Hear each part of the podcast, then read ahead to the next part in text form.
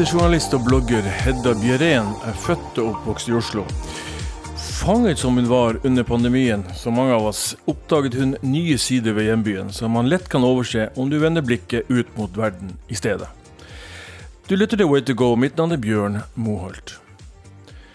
Oslo er langt på vei en by av innflyttere.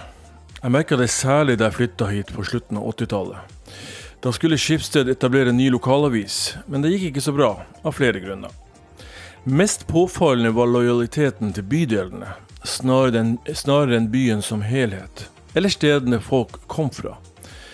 Det gjorde etableringen av en felles lokalavis utfordrende. Men det har skjedd mye de siste 30 årene, noe dagens gjest muligens også vil kunne bekrefte. Oslo er blitt en by som også resten av verden nå legger merke til. Hva skjedde? Til å snakke litt om det har vi fått med oss Hedda Bjerén. Hei, Hedda. Hei. Ja. Du, eh, du har jo sterkt forhold til Oslo, eh, det vet jeg. Vi har jo faktisk sammen gått en del eh, turer rundt omkring i byen. og Kan ikke du si litt om, om det, om ditt forhold til Oslo, og, og litt om deg sjøl? Ja, jeg er jo født og oppvokst i Oslo. Jeg hadde noen få år utenfor byen da foreldrene mine var under utdanning. Men ellers så har jeg bodd mesteparten i Oslo, og alle, jeg har bodd ganske mange steder, men aller mest i sentrum øst. Og mm. jeg har jo en spesiell forkjærlighet til østkanten, kanskje, for eh, og jeg syns at uh, en del av uh, Når man hører om Oslo øst i nyhetene og slike ting, så er det en ensidig framstilling. Så jeg syns det er veldig fint å framsnakke østkanten litt. Men jeg er veldig glad i hele byen, da og bruker hele byen også. Ja, det opplevde jeg også. Jeg hadde flyttet også til Oslo øst. Jeg kom hit for eh, over 30 år siden, og da var det jo Grünerløkka som, som, gjaldt. Da var jo Grünerløkka fremdeles en arbeiderbydel. Nå er det jo blitt noe helt annet, som vi sikkert kan snakke litt eh, om senere. Men det, men det, er liksom ikke den samme stedet som det var for, for 30 år siden. Da opplevde jeg faktisk det at hun jeg ble kjæreste med og fikk tre barn på den tiden der, hun hun bodde på Oslo vest, på Fagerborg. Hun hadde en gang tidligere vært på andre siden av elva da vi møttes. Ja. Så det sier litt om denne, denne, delingen av byen som går langs ja. Akerselva-aksen. Og de gikk rett og slett ikke til Oslo øst, til Grønland, de områdene, for de var nærmest litt redd for å dra dit. Der var det skumle folk. Og det er jo de vi liker, Hedda, ikke sant? ja, nei, jeg tror at en del faktisk har den uh litt den holdningen fortsatt. Selvfølgelig, Oslo er en uh, delt by, det kommer det sikkert alltid til å være. Men uh, jeg tenker jo at begge sidene har, uh, har gode og dårlige sider. Men så er det jo den, det mangfoldet som det gir, da, som er typisk for Oslo også. Det er jo det som gir Oslo sin særegenhet, kanskje. da, Personlighet. Ja, og, og, og, det, vel, det jeg snakket litt om innledningsvis, dette her med at byen er delt opp i områder. Snarere, snarere at du, man, man, er lojale mot det området man er, bor i, snarere enn byen som sådan. Men der har det skjedd en endring, vil jeg påstå, mot det bedre, ja. hvor man ser på Oslo i større grad som en enhet. og jeg tenker at den, de siste 10-15 års satsing på kultur og byutvikling har i stor grad bidratt til det. Jeg tenker spesielt på Bjørvika og åpningen av hva skal jeg si, byen mot havet, da man la, la vei, vei, veien gjennom byen i rør. Det har også mm. bidratt tror jeg, til å samle byen i større grad. Er du enig? Ja, det tror jeg også. Så er jo akkurat det punktet ligger jo eh, Det er litt over på østsiden, men det er jo mm. ganske midt i byen, da. Eh, og det er jo så deilig at jeg endelig har begynt å tenke Altså de siste årene har begynt å tenke på god byutvikling. At man skal både se bra ut og være en by som folk kan bruke. Mm. Eh, og jeg ser at eh, Jeg syns Bjørvika har blitt eh, helt fantastisk. Eh, det, var jo, det er jo ikke mange år siden det ville vært helt absurd å gå en søndagstur der. Det ville vært helt umulig, egentlig. For det var bare konteinere og industri og grus og det, det var ingenting. Mm, mm. Så nå er det godt tilrettelagt for både uh, gående og syklende og alle slags folk. Og jeg ser um, det er litt pussig det der når man uh, Under pandemien nå så kom det jo mange norgesferiegrupper på Facebook f.eks. Mm. Mange snakket veldig varmt om Norge som ferieland. Mm. Hvis du så når noen prøvde å legge ut et bilde fra Oslo, da haglet uh, kritikken. Altså de gamle uh, hovedstadsfordommene de, de, er der fortsatt i aller høyeste grad. Men jeg tør å påstå at de som har de sterkeste motforestillingene mot Oslo, kanskje ikke har vært der på en stund. Og hvis det er si fire-fem år siden det var her bare, så mm -hmm. har veldig, veldig mye skjedd. Og er det 10-15 år siden, så er det jo det er virkelig noe helt annet, da. Så jeg vil anbefale de som eh, tenker at Oslo er så grå og kald og dyr og fæl, må komme og ta en titt nå, da. Ja, de har på en måte ikke sett de grundig nok etter, tenker jeg. Jeg var jo litt bekymret, husker jeg, for da bodde jeg jo også på, oppe på, på Ensjø og i den delen av byen. Og jeg ble, var jo litt bekymret da jeg så at eh, barkoden reiste seg, og jeg følte at det ble en asfalt- og betongørken der nede. Men så har man jo da begynt å ta denne bydelen i bruk. Og denne kombinasjonen av kontorer og boliger jeg jo syns er blitt relativt vellykket. Ehm, jeg er ikke noen ekspert på dette her, men jeg trives med å, å rusle rundt der, og det sier, mener jeg sier litt. Jeg har vært, vært i en del byer etter hvert, og jeg føler at det er veldig behagelig og, og, og trivelig rett og slett øh, å gå der. Og så, har man, så det blir sånne små kanaler, man prøver liksom å skape liksom Venezia i Oslo. Det, det, jeg vet ikke hvor mm. vellykket det har vært, men, men, men, men, folk bruker disse områdene, disse byrommene. og det, det er det viktigste signalet, tenker jeg på, at, at det funker. Jeg syns jo at Barcode har gitt Oslo et sånt etterlengtet sånn storbypreg, da, som vi kanskje mm. mangla før, ved å være sånn lillesøster til København og Stockholm. Så syns vi det har liksom Det har virkelig satt eh, ja, Oslo inn i gruppen med gode hovedsteder, da. Mm. Og, og, ja. Det er jo mange som tenker at Bjørvika og Bar, altså Oslobukta-området der er eh, dyre områder. Og det er klart det, det er det. En del av spisestedene og sånn er dyre. Men eh, ikke absolutt alle. Og uansett så er det, det er helt lovlig å være der uten å bruke så mye som en krone. Det er jo mm. åpne både strender og badeplasser og benker og grøntområder, lekeplasser. Så det er fullt mulig å være der en hel dag og hygge seg. Ja, også, ja, og så er det bare å gå fem minutter litt lenger inn i byen til selve Grønland. Og der finner du etiske restauranter hvor du får en hel eh, kjempemiddag for hundrelappen. ikke sant? Det er helt fantastisk. Det er bare å mm. ta en av de hvite broene som går fra Barcode mm. over, så er det på Grønland på fem minutter. Og du kan få en indisk middag til 89 kroner, f.eks. Så mm. Så Oslo er ikke bare dyre ting. Og det, og det, er gode falafler der, og det er masse masse god mat. Anbefales. Ja da, det er det. Og vi kan snakke sikkert eh, varmt om Grønland. Egentlig så kunne vi lage en hel podkast på, på, Grønland, alt det som befinner seg der, men vi skal løfte blikket litt grann opp, tenker jeg. Jeg føler f.eks. at det var en diskusjon omkring dette her med Munchmuseet, flytte, flytte det ned til, til eh, Sørenga eller, eller Bjørvika. Og mm jeg var veldig for det. Jeg følte at, at uansett jeg flytta til byen, så var jeg aldri på Munchmuseet, for det syntes jeg lå i en dump. Og hvis jeg følte det slik, så tenker jeg at det vil også mange andre eh, føle på. Og det at de har på en måte lagt det der det er, så kan man diskutere arkitekturen, det tar vi ikke her. Men, men jeg har jo vært der og var på åpningen, og jeg syns det er et helt et helt fantastisk eh, tilskudd til den delen av byen som, som er blitt løftet frem gjennom nybyggingen. Hva tenker du om det? Vi var litt sammen der da de åpna, stemmer ikke ja. Mm. Jeg syns jo det hotellet, nei, museet er helt eh, fantastisk, virkelig. Mm. Et kjempebra tilskudd til byen. Men da eh, disse planene ble lufta først, og at de skulle flytte Munch-museet fra Tøyen, så var jeg i utgangspunktet skeptisk. Og det er jo litt fordi jeg er jo veldig heier jo på østkanten og syns at uh, vi må ha gode områder der også.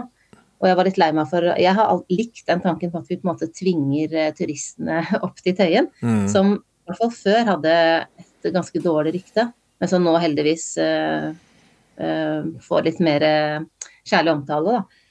Um, men når, når, det først ble flytta, og vi fikk dette signalbygget, som det jo er mange sterke meninger om, men, mm. så syns jeg det har blitt jeg syns det har blitt helt fantastisk, rett og slett. Og med tanke på at Oslo kommune har 26 000 kunstverk da, etter Munch, mm. Eh, så gir jo det huset eh, en mulighet til å vise fram mye mer av samlingen samtidig. Og eh, det er jo også Apropos det med at Oslo er en dyr by, så er det jo gratis inngang hver onsdag kveld eh, i juni i hvert fall. Og jeg lurer på om det kanskje om de har dette litt innimellom, det er jeg ikke helt sikker på. Mm. Men um, jeg syns det, veldig, det viktigste er at det har blitt et veldig bra museum. Mm. Og et signalbygg som turister kan ta bilde av. Og, som du må ta litt stilling til, da. Det er jo ikke et bygg du kan tenke at du ikke har lagt merke til eller ikke har noe mening om. Og det syns jeg er litt bra, og står i stil med Munch sin uh, ja, sin provoserende kunst, rett og slett. da. Mm.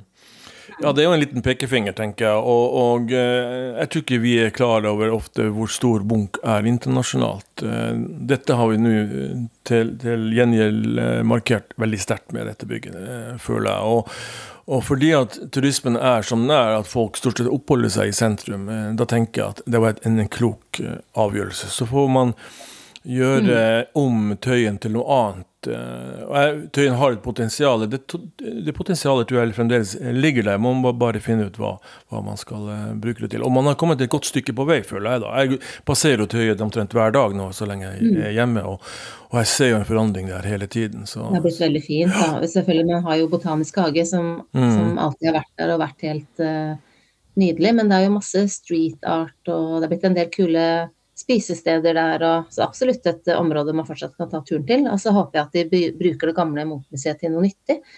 Jeg vet ikke om det er bestemt ennå, har du hørt noe om det? Nei, det har jo vært brukt til i forbindelse med koronapandemien som en sånn vaksin, vaksinasjonssentral, mm. men utover det så, så har jeg ikke sett noen noe signaler om hva de skal brukes til. Jeg håper de eh, finner på noe, noe, morsomt der. Det er jo mulig at de kanskje bare jevner det med jorda, for det er jo å bygge noe, noe helt nytt. Eh, det bygget der begynner å bli ganske sliten, tenker jeg. Og det er jo ikke, det er ikke noen mm. voldsom arkitektonisk perle, vil jeg hevde. Så vi får nå se. Mm. Men uansett så tenker jeg at det blir noe annet i hvert fall. Ja, Eh, men uansett så, så trenger jo Tøye et lite løft eh, fremdeles. Eh, så jeg er spent på hva som skjer der. Eh, Hedda, du, vi, som sagt, innledningen var dette her med pandemien, og at du begynte å, å rusle litt rundt i byen. Er det, var det ting som i den perioden hvor du rusla rundt med, med, hunden din, som var sånne åpenbaringer for deg? Som du så som du kanskje ikke hadde tenkt så mye på? Eller hvordan angrep du dette her i den tiden?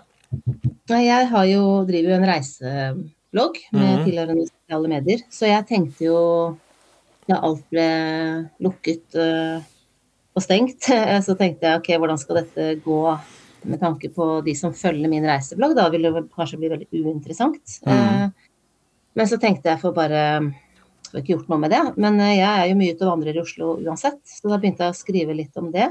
Mm. Og la ut en del ting som begynte å løfte blikket litt og se på arkitekturen eh, som vi har, og begynte å eh, gjøre litt research på hva slags historiske hendelser da, som har skjedd på steder som jeg vanligvis bare haster forbi.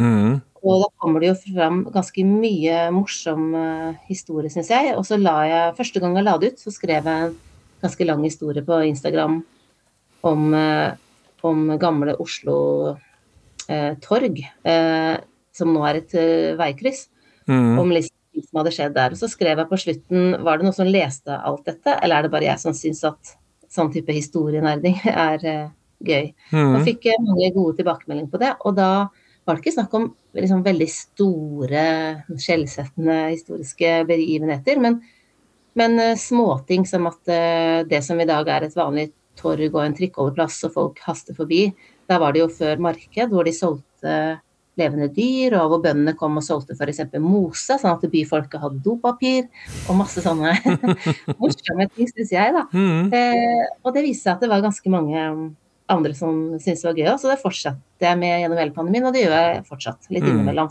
Med sånne små, litt, kanskje litt ubetydelige historier, men som er eh, gøyalt å vite om. Mm. Ja, bloggen din heter Tenk koffert, og den syns jeg sjøl er kjempefin. All ære til deg og, og, den, og jeg tenker at det er fint for uh, våre lytter også å sjekke hennes, uh, hennes, innlegg der, som, er, som spenner egentlig ganske vidt. Mye, mye Norge og Oslo, men også mye utlandet, så der er det mye å hente. Uh, hente.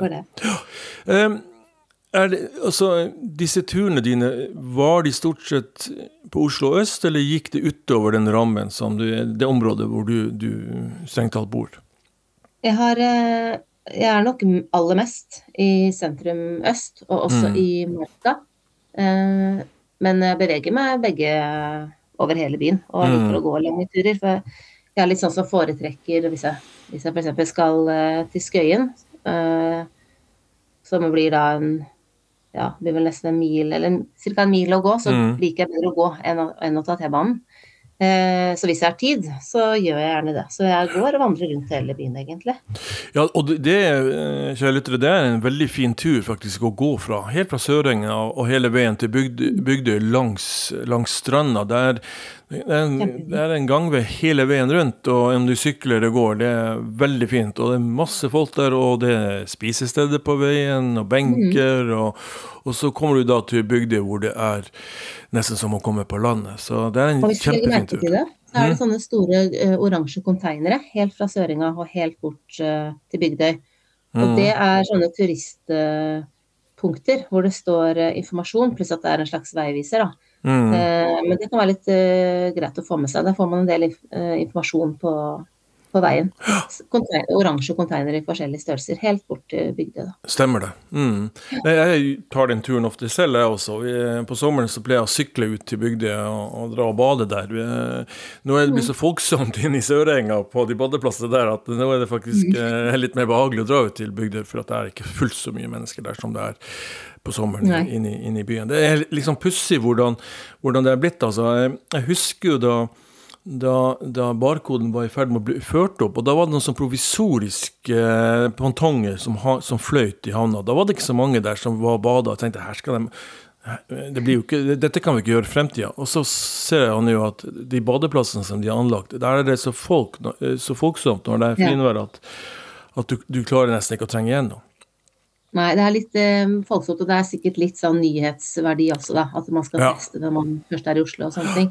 Men sånn som for meg som bor i nærheten, jeg har eh, to hunder, og den ene liker å bade, og den andre vil ikke bli våt på tærne engang. Men han som liker å bade Vi pleier å stå opp eh, litt tidlig på sommeren og bare slenge på badedrakt og sommerkjole, og så går jeg, tar jeg med han ned dit og bader på Operastranda der. Ja, så legger vi oss i sola og tørker oss fram til alle disse barnefamiliene og turistene kommer da, og tar over. Da går vi hjem igjen. Men, eh, men, det er veldig deilig, veldig deilig å ta seg en dukkert der. For stranden er jo delt i to, så det er både en barnevennlig side og en sånn brådyp side. da. Ja, det stemmer. Mm. Mm. Og vann er kjempefint. Han kan ikke hoppe fra brygga, den hunden jeg har. Det vil det ja, og, ja, og vann er veldig fint. Altså, man skulle jo tro at uh, i en by sånn som det var tidligere, så var det full av søppel og dritt i, i, vannet, men vannet er kjempeklart og fint. Og, ja, og jeg hører, hører, en del, jeg får faktisk veldig ofte eh, folk, hører folk som sier, som, som, ikke er der og bader, da, som sier sånn Å, bader du der, altså? Det er jo veldig forurensa, og det er så fælt å bade der, og at du tør, osv. Mm. Men eh, Bymiljøetaten eh, i Oslo sjekker jo vannet 44 ulike plasser, og ifølge dem så, så blir Oslofjorden bare renere og renere. Mm. Så det er, ingen, det er ikke noe hold i, det, i de utsagnene der, da. Eh, det eneste de sier er at hvis det har vært et sånn kraftig regnskyll, så bør man vente 24 timer. Fordi at da ja, kommer det urent vann eh, fra Bakken, rett og slett. Ja, og, men, og bakken, ja. Mm. Ja, men eh, det blir bare renere og renere, så det er ikke noe grunn til å være redd for å bade der. Jeg hørte på radioen, jeg tror det var i morges, at nå er heldigvis torskebestanden på vei opp der. Og så det begynner å bli heldigvis sunnere forhold for uh, dyrelivet også mm. i fjor. Mm. Det var hyggelig. Mm. Ja, god melding. Uh, for de som liker å fiske. Jeg husker jo sjøl jeg har vært og fiska makrell i Oslofjorden. Det er ganske morsomt på sene sommer, sommerkvelder. Hyggelig, hyggelig syssel. Mm. Ja. Um, er det andre småtips du vil nevne som folk kanskje ikke kjenner til uh, i, den, i den delen av byen? Jeg vet jo, jeg har faktisk nylig funnet uh, fram til et utrolig fint uh, turområde som jeg har hørt om. Jeg flytta til den leiligheten jeg bor i nå for snart uh, tre år siden. Mm. Og etter en stund så hørte jeg, hørte jeg om Svartedalen skulle være veldig fint å gå tur. Og jeg prøvde å finne det, men det var så vanskelig å finne fram til hvor uh, Alnaelva da starta. For det, mm. den kan man følge oppover mot uh, Groruddalen. Uh, men nå nylig så fant jeg endelig den litt sånn avsidesliggende eh, delen da, av eh, Ja, det ligger på Jeg starter å gå på nedsiden av Galgeberg. Mm -hmm. eh, og da ned mot Hylla, hvis du har hørt om det. Ja, riktig. Disse, mm. ja, bygningene som står i fare for å rives. Det har vært masse drama rundt det. Men der nede så ligger Alnaelva. Og når mm. du finner den, så kan du følge den eh, oppover mot eh, den, den, går helt opp med Grorud, men den ligger i tunnel noen, eh, noen steder, da. Men der er det en av de få urskogene som Oslo har igjen. Så det er liksom vill skog. Det er helt stille og rolig når du kommer inn der. Det er fosse, eller ikke store fossefall, men små, mm. men elva renner nedover.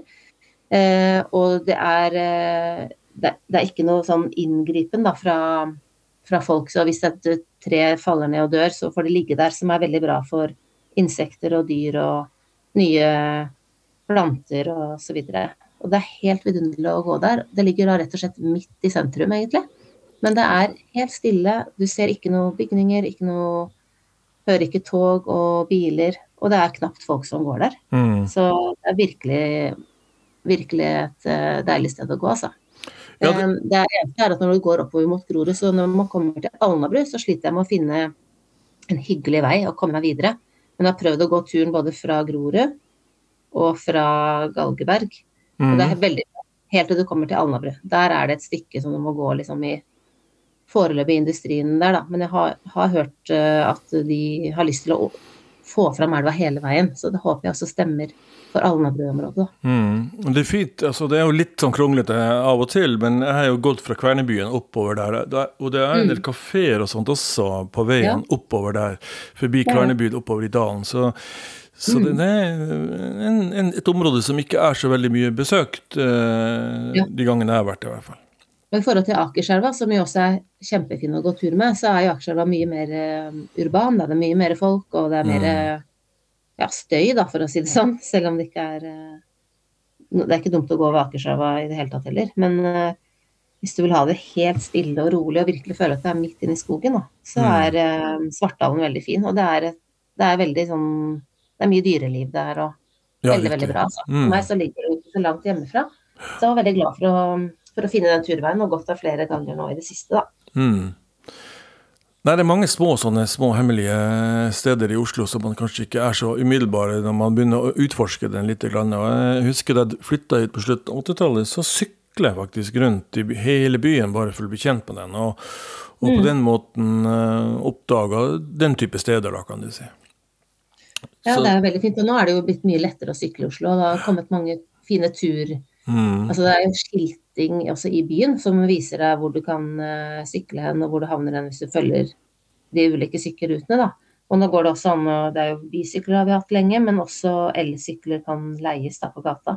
Mm. Så det er blitt en uh, bedre sykkelby. Det er jo Vi blir jo aldri i København når det kommer til sykkelby, for det er jo mye bakker. Men det er blitt bedre, i hvert fall. Ja, og så er det jo noen sånne elsykler rundt omkring. Jeg vet ikke, liksom mange av dem eh, fortsatt, men, eh, men jeg tror vi trenger den trimmen som, som ligger i det. Men det, det er som du sier, det er jo litt mer behagelig å sykle i København hvor det er helt, helt Ja. flatt. Det er det, men det har blitt hvert fall mye bedre i Oslo nå om å sykle enn det det var før. For før Mm. kunne det, det kunne være litt skummelt, for du måtte, du måtte sykle midt i bilveien eller på små fortau. Nå Mm. er det jo mange sykkelstier, da. Så det er veldig bra. Ja, det er blitt, eh, blitt en bedre, bedre sykkelsti. Er et stykke igjen, men det, den er blitt mye, mye bedre. Ja. Eh, eh, alle som skal til Oslo eh, av den litt mer ungdommelige karakter, de skal jo innom, innom Grünerløkka, som vi snakka om i stad. Og, og Grünerløkka var det området som jeg flytta til på midten av 80-tallet. Og, da var det en ren arbeiderbydel, vil jeg si. Ja, der har det det. Ja. Eh, uten at vi skal gå så inn i dybden på det, men føler du at den har endra seg til det bedre? Ja, fordi jeg, jeg vokste opp eh, for det meste på Lilletøyen hageby, som ligger Mhm. ganske nærme Grünerløkka, egentlig. Eh, og jeg fikk ikke lov til å gå til Grünerløkka da jeg var barn. Eh, på slutten av 80-tallet og begynnelsen av 90-tallet. Eh, det var ikke Der var det liksom skumle mennesker, og det var ja, Mm. Liksom beskjed hjemmefra at det var ikke greit å gå ned der, da. Og mange som åpenbart uh, ja, slet med rus og sånne ting da, i gatene der. Mm. Uh, jeg syns absolutt at uh, Grünerløkka har blitt mye bedre, men jeg må si jeg personlig likte Gr- Grünerløkka bedre for ti år siden enn jeg gjør nå. Mm. Og det er fordi det var litt mer enkeltstående butikker der. Eh, mens nå har liksom disse kjedebutikkene tatt over veldig mye. Det syns jeg er litt trist. Det har ødelagt litt av særpreget. Og så har det blitt såpass populært at det er litt som å gå i 17. mai-tog hver dag. Så det, det kan jeg litt slitsomt. Men når det er sagt, så elsker jeg Grünerløkka virkelig. Jeg syns det er deilige parker og masse fine steder å gå. Både ta seg en drink eller gå ut og spise. Eller. Det er jo veldig, veldig deilig område fortsatt. Og så er jo elva like ved, hvis man vil trekke seg litt uh, tilbake eller ha det litt roligere, da. Ja, og så tenker jeg at ikke gå dit i helgene, for da er det kaos der. Men, men prøv kanskje å dra dit uh, i ukedagene. Da er det mye, mye hyggeligere der, syns jeg. Ja, jeg er litt enig med deg, eh, Hedde, at, at eh, den, det var litt annerledes for en 10-15 år siden. Da hadde du også en del hva skal jeg si, frukt- og grønnsaksbutikker der, ja. eh, som ikke er der lenger. Av den enkle grunn at når de skulle fornye leiekontraktene, så gikk prisen såpass høyt opp at de ikke så seg i stand til å, å, bli der. Jeg kjenner et par av de stedene som da jeg flytta dit, og som ble borte, dessverre. Og det syns jeg var litt trist. Mm. Ja, veldig trist. Vi har også en veldig fin blomsterbutikk der før. Jeg husker mm. han som uh, drev den, uh, var sånn typisk uh, Løkka-person med tatoveringer og kul stil. Og hadde sånn åpen pickup. Han kjørte rundt med blomster i, og så hadde den fine blomsterbutikken i Markveien, mm. som også ble borte. Så jeg syns det er litt trist at disse særegne stedene har blitt borte. Men jeg syns man kan finne litt av det, den stemningen i gamlebyen nå. Mm. Så kan det være tips å sjekke ut der. Og der er det også sånne sukkertøysfargede bygårder og mm. fine parker og sånt. da. Og det er Jeg føler kanskje at gamlebyen er, og Grønland for så vidt, er en av de, de siste områdene som uh, fortsatt er litt uh, rufsete, da, for å si det sånn. Mm. I, men det har jo sin sjarm at ikke det er så mange At det ikke bare er disse kjedebutikkene og sånt overalt, da. Mm. Så det må være et tips å sjekke ut de områdene. Det er, det er, ikke så mange turister i de områdene som det er i resten av Oslo. Da. Nei, og så er det jo litt som å reise ut av landet på en båt. Jeg gjorde en reportasje akkurat på det og brukte Grønland som eksempel, eh, spesielt under pandemien, hvor vi ikke hadde muligheten til å reise ut i den store mm. verden. Og ofte så er det jo slik når du kommer til større byer, så er det jo den type områder man gjerne oppsøker, nettopp fordi at det er så, så fargerikt. Mm. Og så har vi det midt i vår egen, egen by, noe som jeg syns er fascinerende. Og det er jo helt ufarlig. Det er klart at det kan jo være litt sånn for sent på kvelden i helgen og sånn, så, så, skal man ikke gå inn i bakgater, uansett hvor du er i Oslo. Men i det store og det hele så, så, så er det en eh, trivelig, ufarlig og utrolig hyggelig eh, by. Og, og disse innvandrerbutikkene elsker å gå i, for der har de fremdeles en eh, servicen som jeg ofte savner andre steder. De er veldig på fornavn, de kjenner deg igjen. Eh, mm. Jeg har et par steder hvor jeg kanskje bare er, er sånn tre-fire ganger i året. Eh, men allikevel så hilser de på meg som om de kjenner meg, kjenner meg godt. Og, mm. og, og, det er noe som jeg ikke opplever så mange andre steder i Oslo. Jeg er litt enig i det. Nei, det er helt enig. Mm. Det er skikkelig koselig sånn sted å gå og handle. Jeg mm. bor jo på en måte midt imellom gamlebyen og Grønland. Og da jeg går ut på Grønlandssiden av eh, bygget mitt, så er, det, er, jeg på hils med han som står og selger brukt uh, Har sånn bruktbutikk med masse bruktmøbler og sånne ting. Mm. Står ute på gaten der. Og hils med han og de andre som jobber i butikkene nedover. Og mm. det er uh, jeg tror de blir veldig glad for uh, Altså de er mer sånn glad i kundene som kommer inn, da. Mm. Og står man og skryter av uh, utvalget, så plutselig så får du en smakebit av en nydelig kokoskake eller et eller annet som de har. Det er så koselig å handle der, virkelig. Ja. Og hos slakterne der så er de rause med å gi sånn avskjær og bein og sånn til folk med hund. Og mm. Det er sånn noe helt annet å handle der. Og så er det, er det annet prisnivå og annet utvalg. F.eks. grønnsaksbutikkene der er jo fantastiske og mye, mye rimeligere. Ja. ja da. Uh, igjen da, Vi skal ikke gjøre dette til et eget program om, om, den delen av byen, men uh, nettopp fordi at jeg og du er så enige om hvor fint det er der, så har vi en tendens til å gravitere, gravitere ja. dit. Um, hvis vi skal snakke litt om Oslo vest, så må jeg jo si at sånn som, sånn som Frognerparken, altså Vigelandsparken og, og, og og eh, hva skal jeg si, det heter, hva heter det oppe? Sankthanshaugen, ja. Disse områdene mm. er også kjempefine. Eh, og jeg pleier ofte å, å kontrastere hva skal jeg si, Grünerløkka og Sankthanshaugen. Det er en liten sykkeltur unna. Og det er liksom som å mm. komme til et helt annet sted igjen. Og det er jo det som jeg syns er det fine med Oslo. Plutselig så ser du en helt annen type mennesker, helt annen type butikker. Kanskje litt mer sofistikert på et vis, men mm. samtidig trivelig. Og der er det også en del Eh, hva skal jeg, småbutikker, eh, bakerier faktisk, hvor du, hvor du føler at uh, du får en type personlig service. Litt mer med sånn, hva skal jeg si, norsk norskrettet. Mm. Du har ikke den der innvandrerbiten i dette bildet, men samtidig er veldig hyggelig. Og det er en litt annen hva skal jeg si, kontinental stemning, som også er fin å ta med seg, tenker jeg.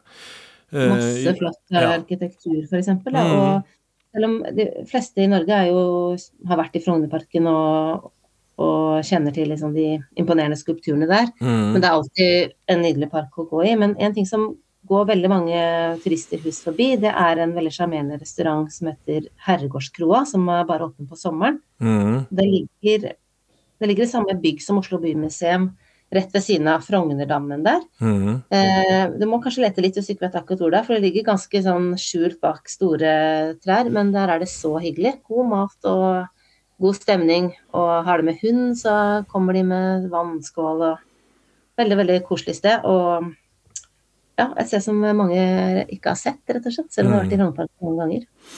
Ja, og jeg også, det er også en liten oase som jeg opplevde, og den har vært det bestandig. Så lenge jeg har vært i Oslo, så har det vært det mhm. bestandig. Og jeg elsker å dra til Frognerparken. Jeg syns det er en av de flotteste parkene i verden, vil jeg påstå. Og ikke ja. bare pga. disse skulpturene, men det er fordi at folk faktisk bruker den. De jogger der, de, de har piknik der, de har teateroppsetninger der. Du finner veldig mye forskjellige aktiviteter som i sum gjør det. Du kan bare sitte der på en benk og følge med. Det er som en teaterforestilling eh, gjennom sommeren, i hvert fall. Og så har du da denne kroa som du nevner, som jeg syns er helt riktig som du sier. Kjempehyggelig å være og sitte mm. på og ta et glass vin, eller hva du gjør. Så Veldig det, fint. Og det er nydelig å gå nedover eh, mot eh, Skøyen og Bygdøy også derfra. Og gå også gjennom sånn lite skogholt og med stemmer det. Du kan, du kan gå, gå, nedover dalen der, ja. Mm, det tenkte mm. jeg ikke på, men det har du helt rett i. Det. Mm. Kjempefint. Og så er det jo, Hvis man er litt interessert i arkitektur, så syns jeg Oslo er gøyal på den måten. Med at eh, hvis du begynner å gå på østkanten, så er det jo også, også flotte gamle sånne 1890-gårder. Mm. Med litt sånn eh, stukkatur og, og, pynt og sånn rundt vinduene. Men eh, du, jo lenger vest du kommer, så ser du at eh, bygningene blir litt høyere og litt flottere. Og du ser at de har, på vestkanten så har de forhager som de ikke har på østkanten. De har mm originale verandaer. Fordi det var et helt annet liv på, å bo på vestkanten enn østkanten. Du hadde ikke tid til å sitte på noen veranda hvis du bodde på østkanten, og det lukta dårlig også på østkanten. Så det er logiske grunner til det, men det har gjort noe det gjør at du kan se liksom den gamle historien i arkitekturen, som jeg syns er veldig fascinerende. Og de Frognergårdene er jo helt utrolig. Det er jo som små slott, egentlig. Det er mm. virkelig vakre bygninger, altså. Ja da, eh, det er det. Og har man råd, sikkert kanskje, så har man kjøpt seg en slik en. Det er ikke det det er snakk om, for det er veldig fint der. Og det er kanskje litt roligere. Ikke, du har ikke den der eh, voldsomme pulsen, vil jeg si. Men det er, det er en, fremdeles har den litt av det der forgangne i, i, veggene der som jeg også syns er hyggelig å, å, rusle rundt der. Og, mm. og, og, som du sier, ta inn denne, denne stemningen som du føler fremdeles eh, hersker der. Hvis jeg ikke har holdt på så veldig lenge, Hedde, jeg vet at du har ting du også skal gjøre, men hvis vi skal snakke litt om enkeltting her For eksempel, så, så som i sentrum, så har du rådhuset, og mange kjenner kanskje til Rådhuset. Rådhuset var jo litt sånn som Munch-museet er i dag. Var veldig omstridt i sin tid da det ble bygd. Det, så ut, det var jo kjempesvært sammenlignet med alt det andre som lå rundt det. Men så har det på en måte etter hvert fått en status som et av de flotteste signalbyggene i byen. Men det mange ikke tar med seg når de er i det området, det er jo de enorme og fantastiske veggmaleriene både i, i mm. rådhuset. Eh, eh, faktisk er det slik at Eh, at, Munch han ble jo nedstemt i forhold til å gjøre den utsmykningen der, og den ble overlatt til andre størrelser, som, som Alf Rolsen og, og P. Krogh.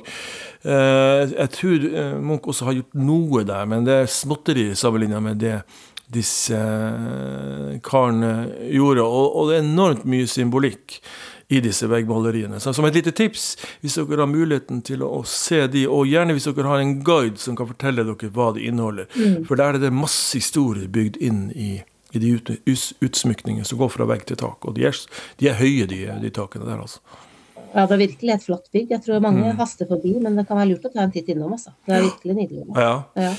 Uh, og du har jo for så vidt flere. Visste du Hedda, forresten, at Gamle Aker kirke er faktisk Oslos eldste bygning? Nei, jeg visste ikke at det var Oslos Nei. eldste bygning. Nei. Nei. Det er en veldig flott kirke. ja. Og det er sånne områder som, litt sånn som du gjorde, jeg rusla rundt i Oslo under pandemien og, og, gikk steder jeg vanligvis ikke gikk, og da havna jeg plutselig der. Da uh, var det en prest på utsida som sa akkurat det til meg. Å, sier du det, sier jeg. Ja, det visste jeg ikke. Så Det er et veldig koselig område, og det ligger jo, da. Ja, det gjør det.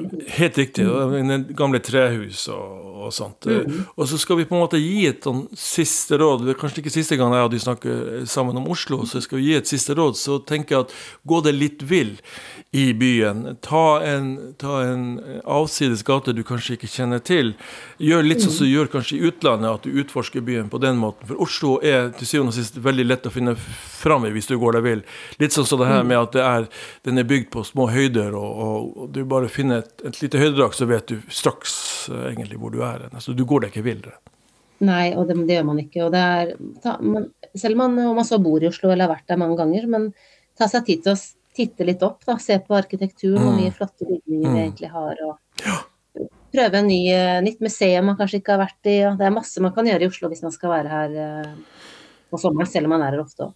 Ja, for vi har ikke vært innom de store museene, sånn som det nye Nasjonalmuseet f.eks., som på en måte mm. er en litt sånn uh, opplagt sted nå for de som skal til ja. Oslo. I sommer så bør man jo selvfølgelig være innom der. Jeg har dessverre ikke vært der, jeg har ikke vært i Oslo på en stund. Så, så har, uh, bare, det er en av de tingene som jeg bare må få med. Og jeg ser jo av venner og bekjente som har vært der, de er helt panegyriske i sin omtale av det museet, som også arkitektonisk har vært uh, omstridt.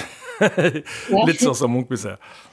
Ja, ja, det skiller seg jo litt ut, bygget. Men eh, jeg har ikke vært der ennå. Det åpnet jo nå i begynnelsen av juni. Mm. Men jeg gleder meg veldig til å sjekke ut. Og ja. jeg syns det ser veldig bra ut. Og fint at vi har fått en, eh, en sånn, enda en sånn storstue, da. Syns det er bra, jeg. Ja. Mm. Veldig bra. Også at det er relativt samlet for de som kommer utenfra. Jeg tenker at ja, at de samler alt eh, mer eller mindre på en stripe, det er Man kanskje reagerer litt på det, men det tror jeg faktisk er litt lurt uh, for de som skal uh, besøke Oslo. Så Hedda, helt til slutt, da. Hva skal du gjøre i sommer? Har du noen ferieplaner som du har lyst til å dele med oss? Det skal være en del her i Oslo. Og bade og gå på museum og kose meg her. Gå i skogen og mm. Men jeg skal også ta en uh, tur til altså, en sånn solferie sammen med sønnen min. Og da skal vi prøve et sted som vi ikke har vært i før, og det er uh, Albania. Oh. Og det ligger jo rett ved siden av Hellas og rett på en måte overfor uh, Italia. Mm -hmm. og det er ganske ung som strand... Eller liksom sånn sydendestinasjon, da. Så mm.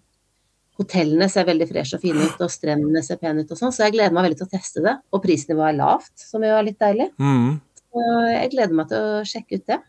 Ja. Har du vært der, du? Ja, det har vært der, og det er kjempegod mat der, f.eks. Å dra inn til. Tirana og få med deg et par av de restaurantene der det er, ja, jeg, Albania har absolutt veldig mye å by på. Ikke bare ligge på stranda, men kom deg litt rundt. Det er min anbefaling. Ja, vi har, vi har tenkt å Nå er jo jeg reisejournalist, så mm. jeg, jeg, klarer ikke å legge av meg den hatten helt, men jeg skal ha en del fridager der og virkelig slappe av og kose meg. Men vi har tenkt å leie bil og kjøre rundt og sjekke ut uh, severdigheter og, mm. og sånt noe, da. Så jeg gleder meg. Mm. Mm. Herlig. Jeg har vært der, og det vil sterkt anbefale. Så uh, god tur, da.